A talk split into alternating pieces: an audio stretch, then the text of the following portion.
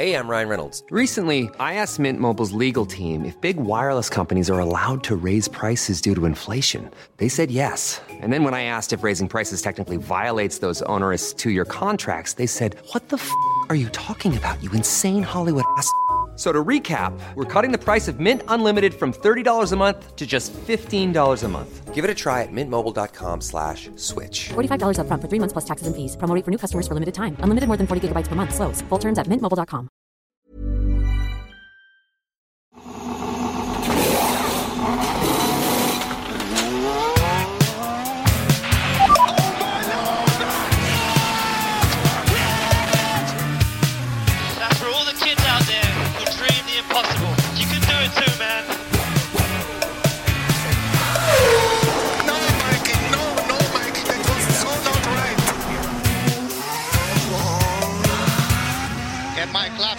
steering wheel. Steering wheel, Collapse steering wheel here. Plattan i mattan är tillbaka efter ett race i San Marino på Imola. Det var kval och sprint och det var race. Och på sportbladet.se har det varit en annan typ av tävling. Det har varit en quiztävling där vi eh, tävlar ut biljetter till Monaco. Och du, Anna Andersson, du har ju skrivit de här quizfrågorna. Ja, det var lite klurigt faktiskt. Fast jag tror att det är ännu klurigare att lösa dem. Eller det kanske inte är eftersom man faktiskt får svara hur många gånger man vill. Exakt. Jag eh, hade ju inte riktigt koll på när det här kom ut utan öppnade min mailkorg som var fylld av tusentals printscreens och med folks eh, namn och telefonnummer som hade gjort det där quizet. Så det är väldigt kul att se att det är så många som gör det och så många som är riktigt taggade på att vinna två biljetter till Monacos Grand Prix. Och du har eh, gjort nya frågor till, eh, till kommande vecka, Anna. Absolut. Varje vecka kommer det nya frågor så får man en ny chans om man nu kände att man inte riktigt hade huvudet på spiken just den dagen. Ja, just det. Och det som händer då, ni som har missat det är att på sportbladet- sportbladet.se så finns det alltså ett F1-quiz där man ska svara på eh, frågor. Och när man har svarat på de här frågorna så skickar man in sitt svar och då är man med i utlottningen av två biljetter till Monacos GP. Och det kommer komma nya, eh, nya frågor till, eh, till, som kommer i takt med det här avsnittet släpps. Så in och gör quizet för att eh, kunna vinna en resa till Monaco.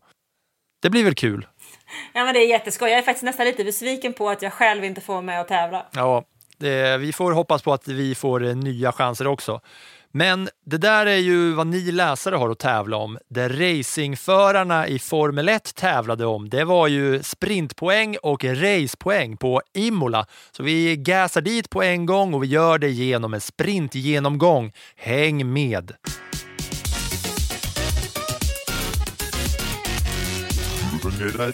En racehelg där regnet regerade redan från första början. Ja, det var lite annorlunda än det vanliga då det vankades sprint. Men först var det kval där regnet och rusket stod i centrum likt det gjorde resten av helgen. Mercedes hade som vanligt nowadays ett fiaskoartat kval där varken Lewis Hamilton eller George Russell tog sig till Q3.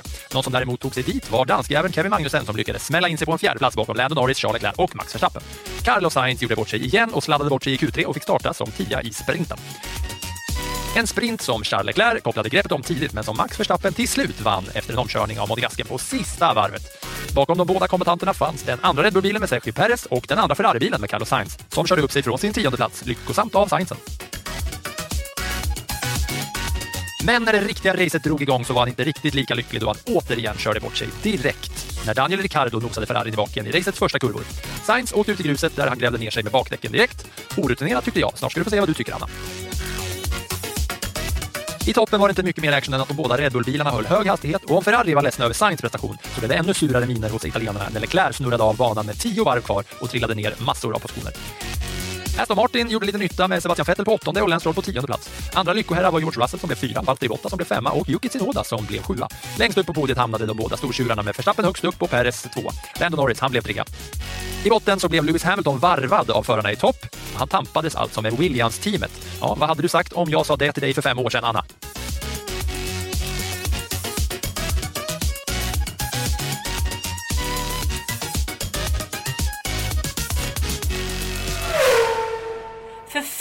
År sedan, då måste vi gå tillbaka till 2017. Det hade ju inte varit en chans, inte en suck i världshistorien att eh, Lewis Hamilton hade fightats med Williams. Då hade jag trott att du skojar med mig. Ja, för det som händer där i racet är att mot slutet, Lewis Hamilton har ju återigen en riktigt svag racehelg rakt igenom. Och på slutet av eh, racet så vinkas det blåflagg då framför Lewis Hamilton i sin Mercedes. Och han blir alltså varvad då av Max Verstappen och kompani där uppe i toppen. Vad, eh, vad har du att säga om det egentligen? Ja, för ett par månader sedan hade man ju aldrig trott att det skulle bli på det där sättet. Och eh, om vi kikar tillbaka så inför säsongen så lämnade Mercedes ut en liten videosnutt där deras teknikchef James Allison pratade inför säsongen och han sa då ganska tydligt, vilket jag minns för att jag gjorde en rubrik om det på bloggen, att det kommer att vara något team som går bort sig i de här nya reglerna. Men jag tror inte att han hade räknat med att det var hans eget team som skulle göra det faktiskt. Och så grovt också får man säga, i alla fall på, eh, på Hamilton. George Russell däremot, han verkar ha lite mer ordning på den där bilen och han har i alla fall lite tur med sig som har hängt med där i toppen några gånger. Och han, eh, han blev fyra igen då här, mm. bra placering. Men här är det också så att Russell går ju in eh, i depån. Hamilton Eh, är ju tydlig med när de pratar om att gå i depån att han faktiskt vill vänta. Att det är fortfarande för tidigt att gå in i depå, det är fortfarande för tidigt att gå in i depå. Så han ligger ju kvar något varv där.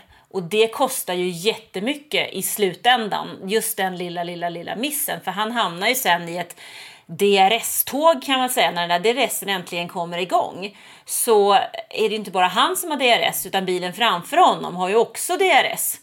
Vilket gör att han har ju faktiskt ingen chans att köra om på en bana som är så pass svår att köra om på som Imola. Men nu kanske vi hoppar rätt in i helt fel läge här känner jag.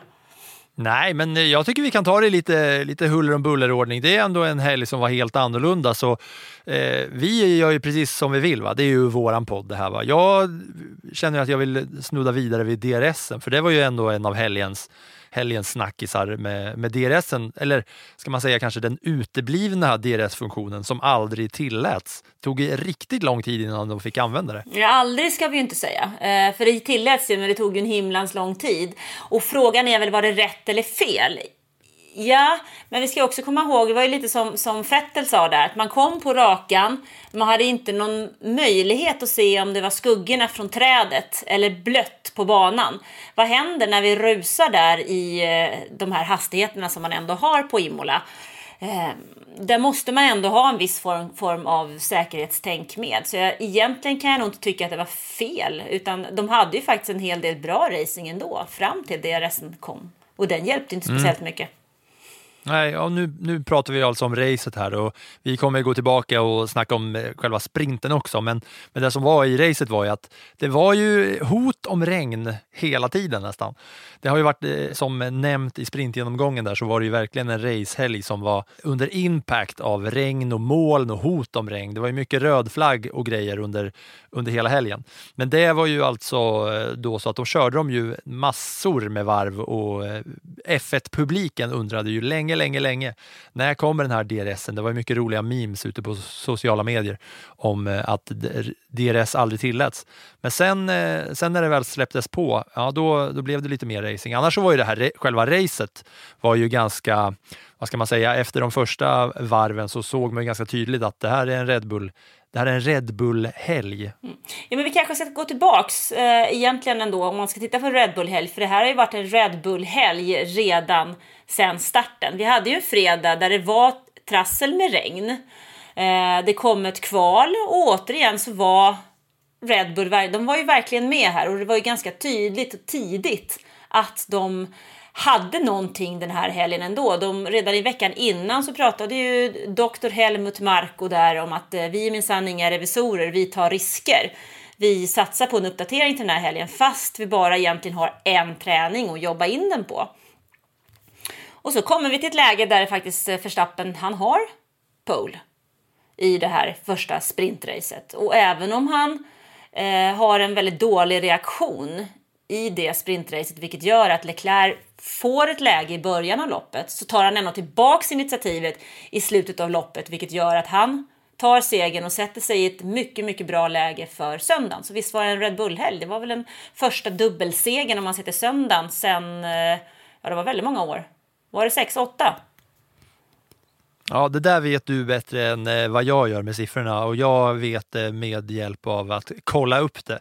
Men som du säger, det var ju kanonhelg för Red Bull, även fast, som du sa, Verstappens start i sprinten var ju inte kanon. Och Ja, man trodde ju länge att Leclerc, i och med att Ferrarin har sett så bra ut, Leclerc har kört så bra under säsongen hittills, han ledde hela sprinten ända fram till varv 21, va? precis på det sista varvet, då Verstappen sätter in dödsstöten och, och kör om eh, Leclerc. Då. Så, eh, så ja, det var ju eh, verkligen en, en Red Bull-succé och nu börjar man ju undra, är det så att det här är ett tecken på att nu är de i kapp på riktigt. För, för Ferrari har ju känts som att de har haft ett försprång eh, gentemot alla andra team.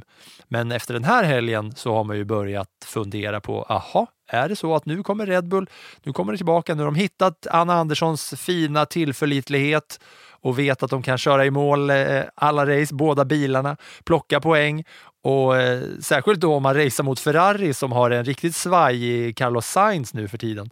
Så, eh, så är det ju så att man börjar fundera på, ja, är det så att Red Bull är i kapp och förbi kanske? Ja, det var 2016 var det. Nu fick jag slå en, en eh, koll i bloggen igen. För att jag hade koll på det igår, men inte idag. Så, så som det kan vara. Uppslagsboksbloggen. Precis. Um, det där som du gör just nu, det är att dra eh, långa, långa tankar kring någonting som har hänt en helg i en säsong som ska bestå av 23 lopp det är ju lite farligt Filip, för det händer ju så sjukt mycket. För man tycker bara, oh, nu är den här helgen, det ser ut så här, ja men då kommer det att bli så. Men det är ju så lite som avgör. Nu nämnde du där Carlos Sainz, så han har ju haft två skräphelger, så killen måste ju ha mardrömmar efter hur alltså, ja. alltså misslyckat kval här, om vi tittar på Imola då, misslyckat kval. Så gör han ju jättefin insats i sprinten, tycker du inte? Eh, jo, det, det gör han. Han kör ju upp sig rejält. Han får ju börja, han spinner ju ut i kvalet där på, eh, ja, och får starta som tia. I Q3 så spinner han ut och gör att han får starta som tia. Sen kör han ju upp sig riktigt bra och fint och man ser ju, ja men han är bra med, bra med där i bilen. Mm. Och sen är det ju likt i Australien att han känns liksom ja, han känns eh, otålig och då snackar jag inte om hur han körde för han blev ju utputtad yeah. i, eh, i gruset under, under racet. Men man har ju sett flera under den här helgen. Det är ju då en sandlåda eh, som, som flera fastnade i. Men man såg ju tidigare under helgen hur Magnusen och hur eh, var det Ricardo eller Norris som också körde det, som kom ut i den där sanden, tog det lugnt, körde lugnt på gaspedalen så att de inte skulle borra ner däcken där. Men det Carlos Sainz gör när han snurrar ut där under racet i, på första varvet, där han blir ju helt, eh, han blir helt till sig och sätter gasen i botten där, vilket gör att han borrar ner bakdäcken. Och sen är ju han fast istället för att lugnt och metodiskt göra som flera andra eh, visade, visade prov på och faktiskt tog sig ur den där sandfållan. Men han vet väl lika väl som alla andra att eh, Ferrari kommer satsa på en förare. Och hur lätt är det att vara lugn och metodisk när du inser att din roll som materialförvaltare, den kommer liksom allt närmare. Han blir ju stressad, han är frustrerad och han vet ju att han måste prestera. Nu hade han ju skaffat sig ett läge eh, där det faktiskt låg då två stycken Ferrari-bilar bland de fyra första, så han hade ju alla möjligheter till att bli den här killen som inte bara hjälper Leclerc utan också tar en pallplats eller till och med en seger. Men återigen så hamnar den där situationen. Han kan inte rå för att eh, Ricardo puttar av honom, men då blir han väl antagligen så förbannad, frustrerad och vet inte riktigt vart han ska ta vägen i det läget. Och så reagerar han. Och det är den här reaktionen som, som gör att det blir fel. Det är alltid lätt att vara efterklok. Det har jag också upptäckt ganska många gånger kan jag säga. Ja, och allt det här efter att han har krutat på ett nytt eh, kontrakt för Ferrari. Att han är klar att han ska bli kvar i, i teamet mm. under lång tid framåt. Och det känns ju också att det känns som att han borde känna sig lugn i läget som det är. Att han just har krutat på ett nytt kontrakt och vet att han ska köra vidare som gör att han borde kunna eh, köra mer lugnt och metodiskt och med säkerhet och trygghet framför allt. Men eh, ja, det känns ju som att han verkligen ser sig ifrån och från, från Leclerc. Det kommer säkert. Eh, alltså det tar ju en liten stund innan man kommer in i sådana situationer, innan man känner sig trygg. Trygghet är ju ingenting som, som hoppar på en bara på en gång för att man vet att man ska vara det. Så att i det här läget så var det säkert frustration och eh, det blir ju inte bättre. Sen kan det ju vara så att till slut så är han ju, det, det kommer ju vända för Science. Frågan är ju bara när. när den dagen som han accepterar att ja, men så här är läget så kommer det säkert att eh, bli en helt annan, då får han nog ett helt annat lugn, kan jag tänka mig. Ja, och han behöver ju verkligen få det i, alltså, ju längre det går desto mer panikartat blir ju situationen, tänker jag. Ja, men alltså, Ferrari behöver ju ha två bilar. De behöver ju ha två bilar som är med där uppe. Det var ju så himla tydligt förra året när Red Bull faktiskt utmanade Mercedes så var det ju för att de hade Pe- Perez. De har inte varit i närheten av Mercedes tidigare för att de har haft en bil. Så att eh, Ferrari behöver definitivt ha en Carlos Sainz som gör något annat än sitter fast i sandlådan. Ja, och eh, om vi ändå snackar Ferrari-fiasko då. Får man kalla Leclercs eh, avslutning för ett Ferrari-fiasko? Det tycker väl ändå eh, ja. Han blev ju, om man säger att Sainz är för otålig och lite stressad så blev ju Leclerc för het på gröten. Ja. När han eh, verkligen gick för det på slutet. När man eh, hade sett under hela loppet, han hade inget att sätta emot eh, mot Verstappen och, och Perez där i toppen. Men ändå så gör han ett försök. Med nya däck ska han pusha bilen precis lite extra för att, för att ta sig ikapp Perez. Då. Och då snurrar han ut med tio varv kvar. Ja, det är ju alltså det är ett jättefiasko.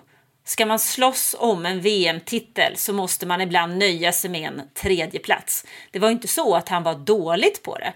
De få små poängen som han tänkte där att han kunde vinna, då tappade han ju, han vart av med sju poäng. Alltså sju poäng låter ju inte så mycket, men det kan vara sju poäng som avgör i slutet av en säsong. Man har inte råd att bete sig på det sättet. Han måste, måste, måste tänka klokt.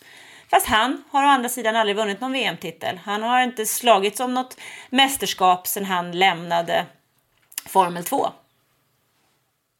Nej, och han var ju också kritisk till sig själv efteråt. Så han har ju på något sätt i alla fall kommit till insikt att ja, det var ju jag som var klantig. Jag var för het på det. Jag borde ju suttit lugnt i båten, bara kört in den där tredjeplatsen och sen njutit av poängen och, och fokuserat framåt. Så han är ju i alla fall medveten om att det är han som gör fel där och att han ska lära sig av det. Jo, men han är väl en rätt eh, läraktig kille. Han är ju inte på något sätt i närheten av ointelligent, utan han är ju racing smart. Så att han inser, såg väl också antagligen i det momentet som han snurrat att den här går på mig, alltså det här var inte bra. Så han kommer ju att eh, säkerligen lära sig av det där, jobba ännu hårdare och bli bättre. Men det är så man ska göra. Man måste ju göra misstag och då måste man lära sig av det. Då man blir bäst. Ja, det han gjorde var så att han snurrade, snurrade in i väggen så att det blir skada på framvingen och så måste man åka och byta den mot slutet av eh, racet med tio varv kvar. Och det kostar ju massa tid. Så han körde ju upp sig visserligen några placeringar, men det är ju, det är ju att snurra runt helt på eget maner som är det klantiga. Liksom där. Ja, det är ju att inte ha lugnet och känna att det här är max det som jag kan nå idag. Känner du att du, det här är max det jag kan nå idag, jag kör hem den här tredjeplatsen. Det hade ju räckt. Jag ville bara snudda vid Lando Norris apropå eh, att krascha. Han gjorde ju det i kvalet när han ligger trea och eh, det var lite blött där. Så såg, såg man ju att han verkligen gick för det när det var bara, det hade varit mycket rödflagg och grejer i kvalet. Och då eh, bara med, någon minut, med några minuter kvar så, så snurrar ju Lando Norris upp som gör att alla inte får en chans till att gå för ett nytt varv. Det tyckte jag var roligt. Såg du det? Klart att jag såg det. Men han, det, grejen var väl där att han var ju inte den första som gjorde det. Det var ju flera som hade varit ute med däcken på fel sida och halt som sjutton. Ja. Så han borde... Och därför, och därför är det lätt att komma undan, tänker jag. Ja, det var min första tanke också, ända till jag såg reprisbilderna. Då kändes det mer som, du vet, eh, när man är 13 och mamma och pappa har sagt att det där ska du inte göra, men man är tvungen att göra det i alla fall och inser när man håller på att det gick åt fanders bara för att man var tvungen själv att känna att det inte funkar. Så det kändes mer som en sån här, ja ah, shit alltså, vad dum jag är. Ja. ja, men jag tyckte det var, om, eh, oavsett om det var medvetet eller inte, jag väljer att tro att det var medvetet, så var det ju kanon, för han hade ju en bra helg och de har ju fasen kört upp sig, McLaren-gänget. Ja, du tänker på Ricardo då, eller? Nej, men det såg ju bättre ut i Australien än vad det gjorde i Bahrain i alla fall. Och nu eh, Lando Norris som, som kör bra där uppe. Ja men absolut, de har väl självklart har de kört upp sig och gjort någonting bättre. Och det, det så, så som de inledde säsongen, det var väl långt under alla förväntningar överhuvudtaget. Så att eh, vi skulle kanske inte räkna med att de skulle ligga där, där de gjorde i början. En annan grej som jag tyckte var kul om man ska uppmärksamma grejer under helgen var ju när, apropå Ricardo, att det blev däckbytar mayhem när han väl gick in. För alla startade ju på intermediates. Och då eh, efter ett par varv så, så gick Ricardo in och chansade, slängde på ett par medium. Sen körde han i ett varv, sen hade han gjort snabbaste varvtid. Och då blev det alltså rusning in i depån. Det tyckte jag var roligt, hur alla verkligen öste in där. men- och sen hade vi ju då eh, Ocon som nästan körde in i Hamilton där. Ja, men den får ju faktiskt, eh, den får ju faktiskt alpinta på sig. För så där kan man ju inte släppa ut någon. Man får ju se till att det är fritt när man släpper ut någon. Men å andra sidan, jag hade nästan förväntat mig att det skulle bli så. När en går in så ser man, ja, han chansar, funkar det, funkar inte. Och efter det så tar alla andra sina beslut. Eh, däremot så var väl inte Ricciardos byte till hårda däck riktigt lika smart va? Nej, men det, han satte i alla fall trenden med, med första däckbytet, eller att gå över till slicks i alla fall, för det gjorde ju alla direkt efter. Helt och då klart. tyckte jag det var lite roligt. Det blev bra action i, i det där racet som, som fick lite fart och lite liv där efter att Ricardo gick in och körde in.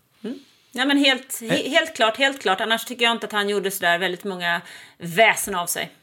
Nej, verkligen inte. Eh, en annan grej som jag också tyckte var kul var ju kampen mellan eh, Valtteri Bottas och George Russell. Mm. Verkligen. som kraschade förra året när det var typ klart att Russell skulle ta över Bottas plats i Mercedes. Så det var ju många, det var många parametrar som gjorde att det var extra spänning där och så kör ju Russell in i Bottas, båda kraschar och är ute. Och sen så i år då, ett år senare, så är de tillbaka med ny kamp och i eh, toppen får man väl ändå säga, topp, eh, som om, om topp fem där båda två. Och Bottas hade ju många chanser och det var tajt och det var, men det var fin prestige tycker jag. Helt klart. Alltså jag funderade nästan på när jag såg det där om det var någon av dem som tänkte tillbaka på fjolåret och på vad som hände då. Det hade jag nästan velat, den frågan hade jag nästan velat ha svar på. Om det liksom är... Ja, om den fanns kvar i skallen där i slutfasen av loppet. Den hade man velat att de, att de ställde till Bottas i radion. Valtteri, tänker du på förra året eller? Kör! Ja, men det var kul, men det slutade i alla fall med att Russell eh, lyckades hålla Bottas bakom sig. Även fast man eh, kanske flera gånger trodde att det här tar nog Bottas ändå. Va? Men det var, mm, det var kul. Något annat som du vill eh, säga kring eh, racehelgen? Kanske vill du säga och hylla Aston Martin med Sebastian Vettel på åttonde och Lance Stroll på tionde. Ja, det var faktiskt lite det jag satt och tänkte på. Där eh, Aston Martin, de körde ju Framförallt Vettel körde ju den där bilen över bilens förmåga den här helgen. Alla vi som skrattade åt honom sist när det hade sån här fruktansvärt mardrömslikt liksom efter den tråkiga inledningen på säsongen när han var sjuk. Så kändes det ändå lite grann som att han eh, var på väg lite tillbaka och någonstans så tror ju jag ju att han är inte riktigt redo att ge upp än. Även om det är många som säger liksom att ja, men han är slut, han är färdig. Han ser ju någon form av utmaning i det där. Och är det då så, så får i alla fall jag det intrycket av att så länge han ser att det går framåt och att det kan bli någonting så tycker han nog att det är roligt. För han är ju precis som Kimi Räikkönen var. En förare som kör för att han faktiskt tycker om det. Jag tyckte ju att det var eh, superkul med Vettel, för jag är ju en sån som kom in i F1-sporten precis ja, men efter Vettels storhetsdagar på något sätt. Men jag rör mig ju bland F1-folk som har Vettel som sin absolut största idol och har, han är ju legendförklarad med all rätt. Och man gillar ju att se de här gamla som har blivit lite washed away ändå, att de håller kvaliteten fortfarande. Va? Att det är lite kvalitutta i, i Vettels gaspedal, det tycker man ju. Och sen så framförallt så har ju inte jag mycket övers för eh, Lance Stroll, pappas pengar sådär, så att jag är glad i alla fall att Vettel placerar sig bättre än Lillstrollan.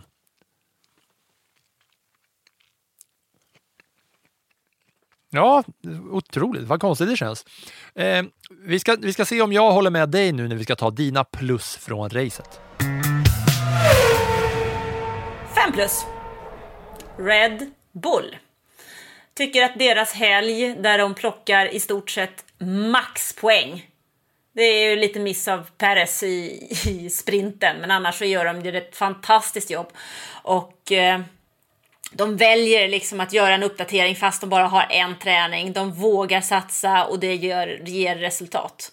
Eh, Verstappen full pott och en wing, wingman som ser till att han kan göra det lugnt och säkert. Paris vet sin plats och han gör det kanonbra. Ja, verkligen. Fyra plus. George Russell. Han smyger med där i en helt okörbar bil och tar en fjärde plats för att han är lite smart. Det är ju faktiskt imponerande. Han ligger 11 i, är väl 11 i kvalet va? och 11 i sprinten. Och sen så, mm, rätt läge i depå och sen så fixar han återigen en riktigt, riktigt bra placering och där har han ju ett grepp om Hamilton, i alla fall i nuläget.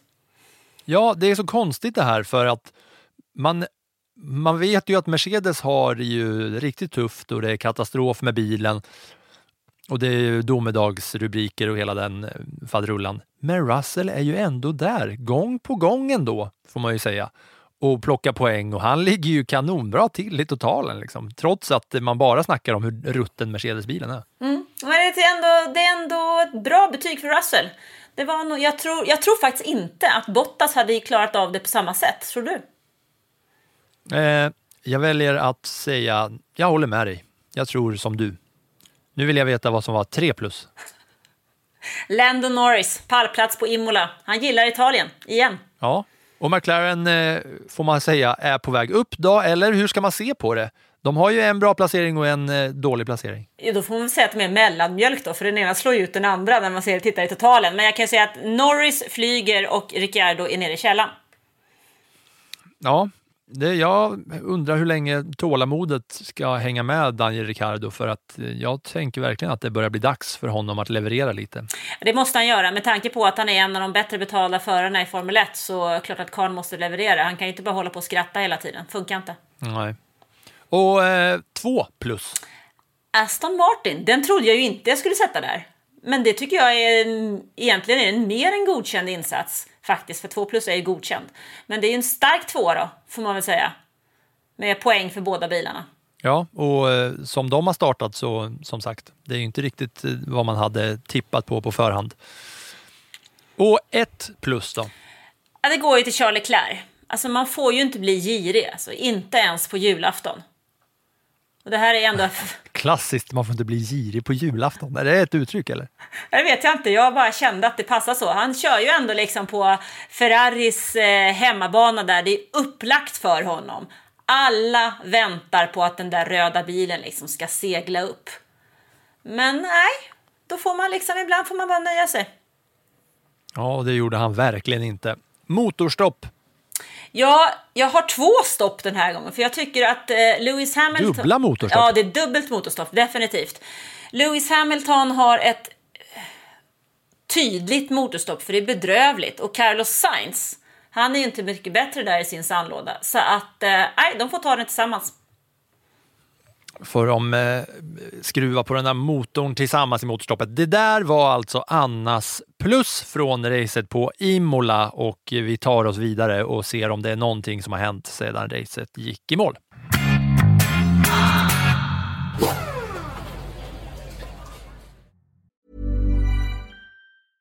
Ryan Reynolds här från Mint Mobile. Med priset på nästan allt som går upp under inflationen, trodde vi att vi skulle bring våra priser down. So to help us, we brought in a reverse auctioneer, which is apparently a thing. Mint Mobile unlimited premium wireless. Ready to get 30, 30, bit to get 30, bit to get 20, 20, 20, bit to get 20, 20, bit to get 15, 15, 15, 15 just 15 bucks a month. So, Give it a try at mintmobile.com/switch. slash $45 up front for 3 months plus taxes and fees. Promo rate for new customers for limited time. Unlimited more than 40 gigabytes per month slows. Full terms at mintmobile.com.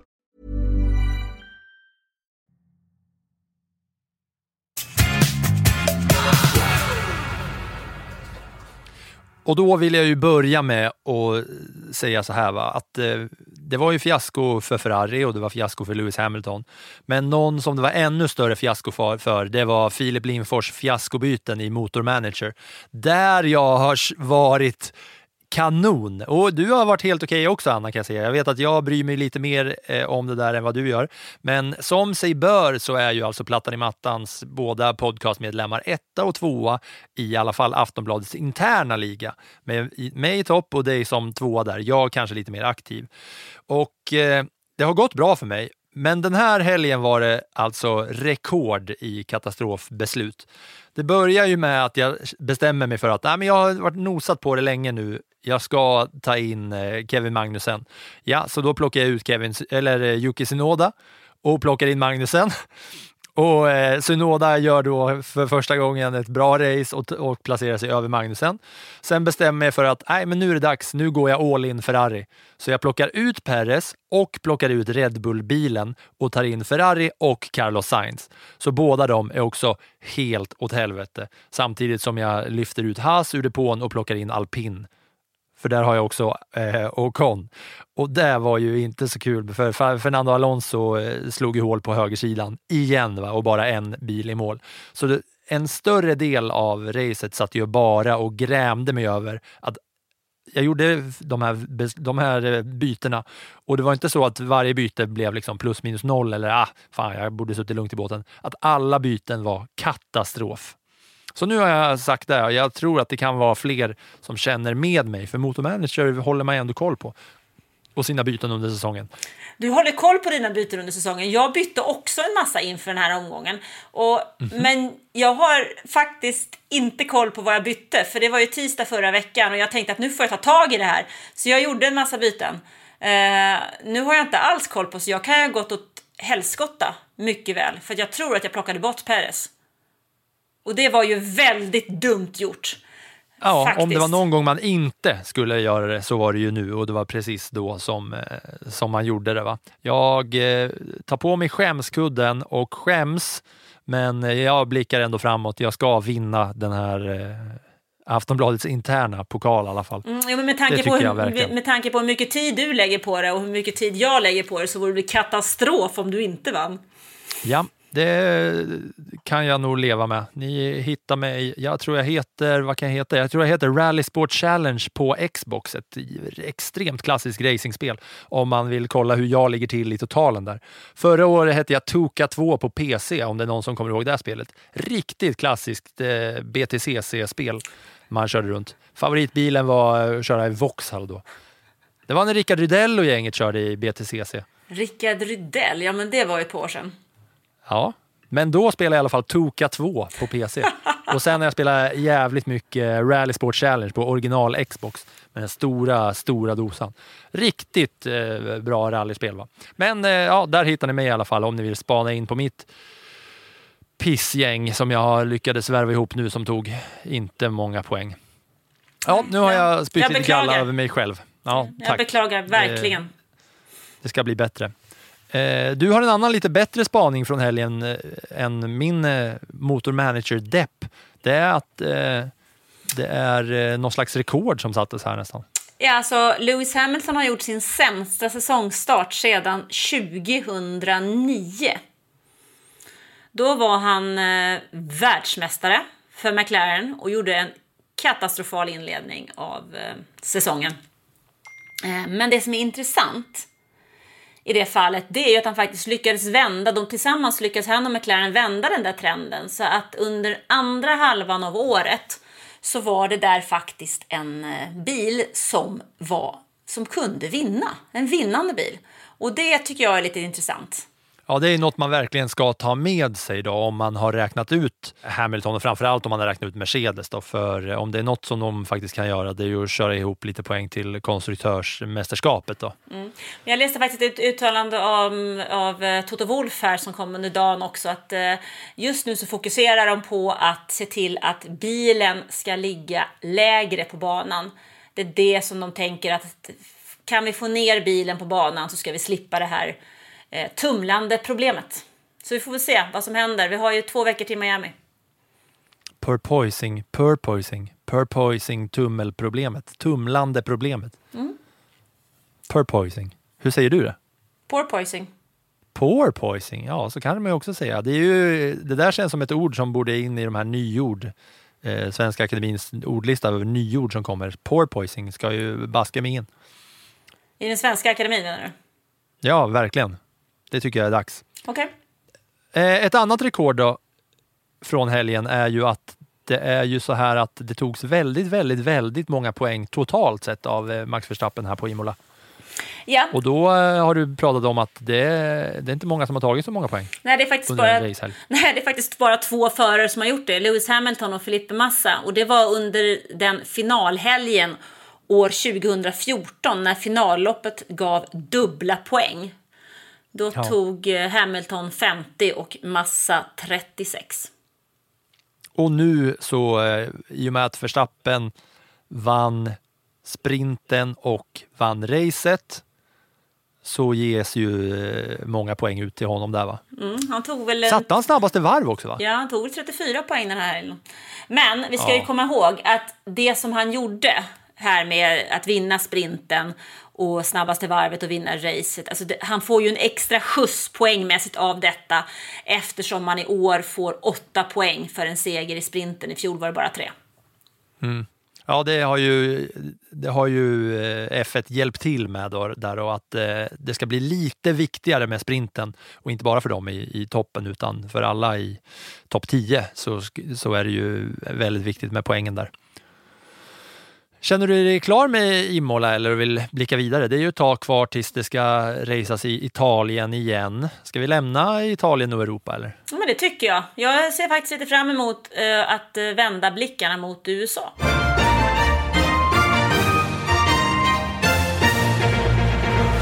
Och då kör vi alltså Svenskkollen. Och om det är någon som har svensk koll just nu så är det ju du, Anna Andersson. Ja, Indycar kör ju på Barber Motorsport Park i Alabama nästa vecka. 90 varv, avgörs på söndag. Marcus Eriksson, åtta i mästerskapet, som leds av Josef Newgarden. Och det som känns lite spännande här är att det drar ihop sig nu till Month of May som betyder så otroligt mycket i Indycar där vi går in emot Indy 500 som avgörs den 29 maj. Och jag hoppas, hoppas, hoppas att vi får tag på Felix Rosenqvist faktiskt inför Indy 500. Som alltså avgörs 29 maj.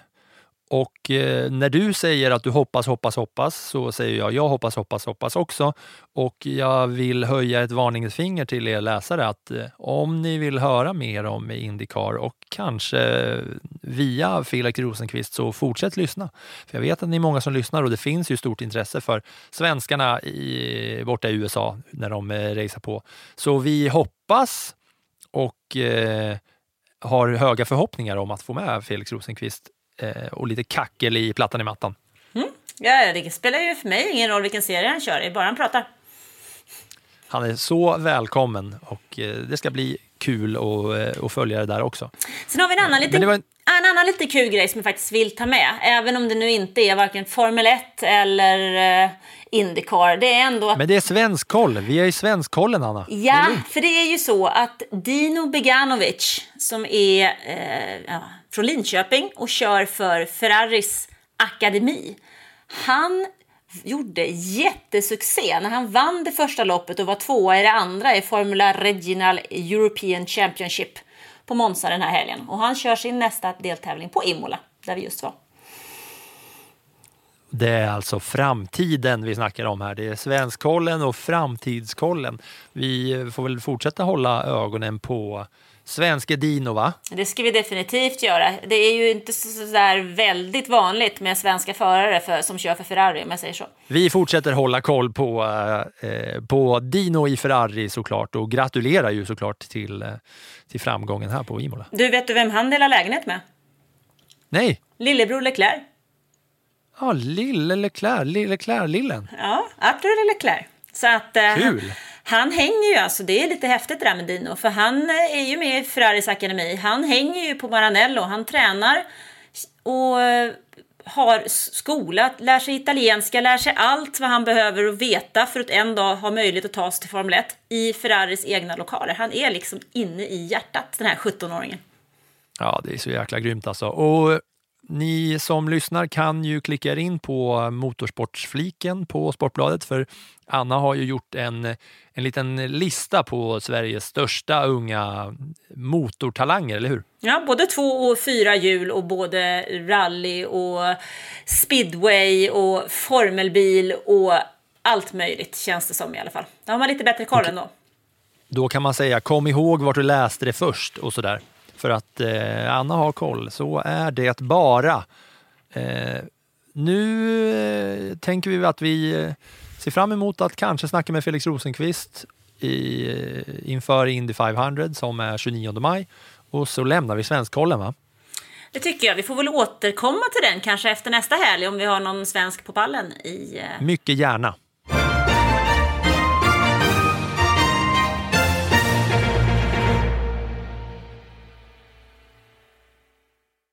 Och då har vi bara backspegeln kvar. Och för er som inte har hört backspegeln så är det ett litet dokument kan man väl säga i ljudformat där Anna berättar för er lyssnare och mig klassiska F1-historier baserat på små lappar som jag har skrivit om historier jag vill höra. Där, jag, eh, där vi drar en lapp och inför en helg som det inte är något F1-race så berättar Anna då den här historien och senast vi drog en lapp så hade jag skrivit Sir Frank på den eh, lappen. Och då är det alltså Sir Frank Williams som vi eh, pratar om.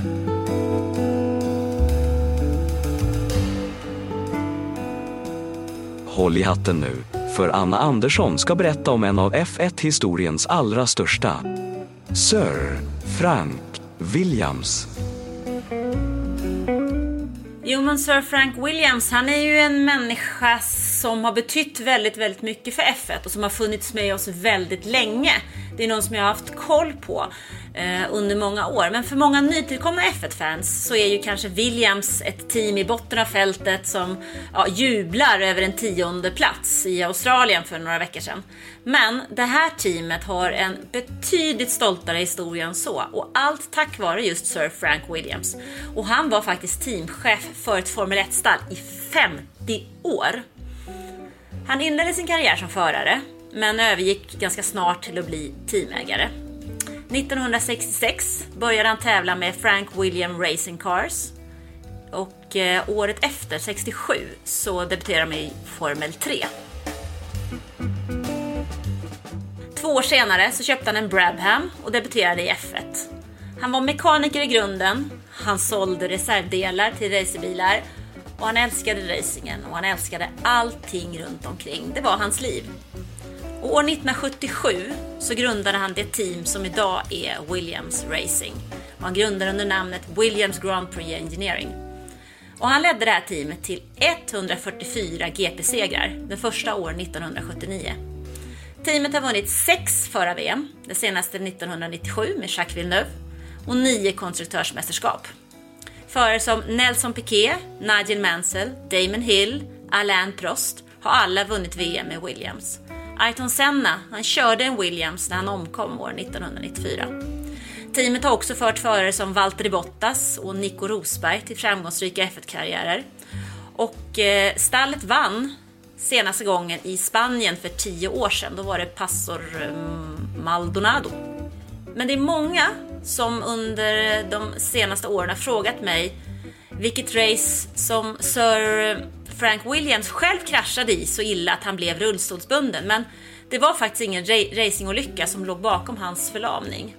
Utan eh, han var med om en bilolycka på väg till flyget efter tester i Spanien år, i mitten av 80-talet. Frank Williams fanns med i teamet fram till 2020 då investmentbolaget Darlington Capital tog över teamet. Men hösten 2021 så avled han, 79 år gammal.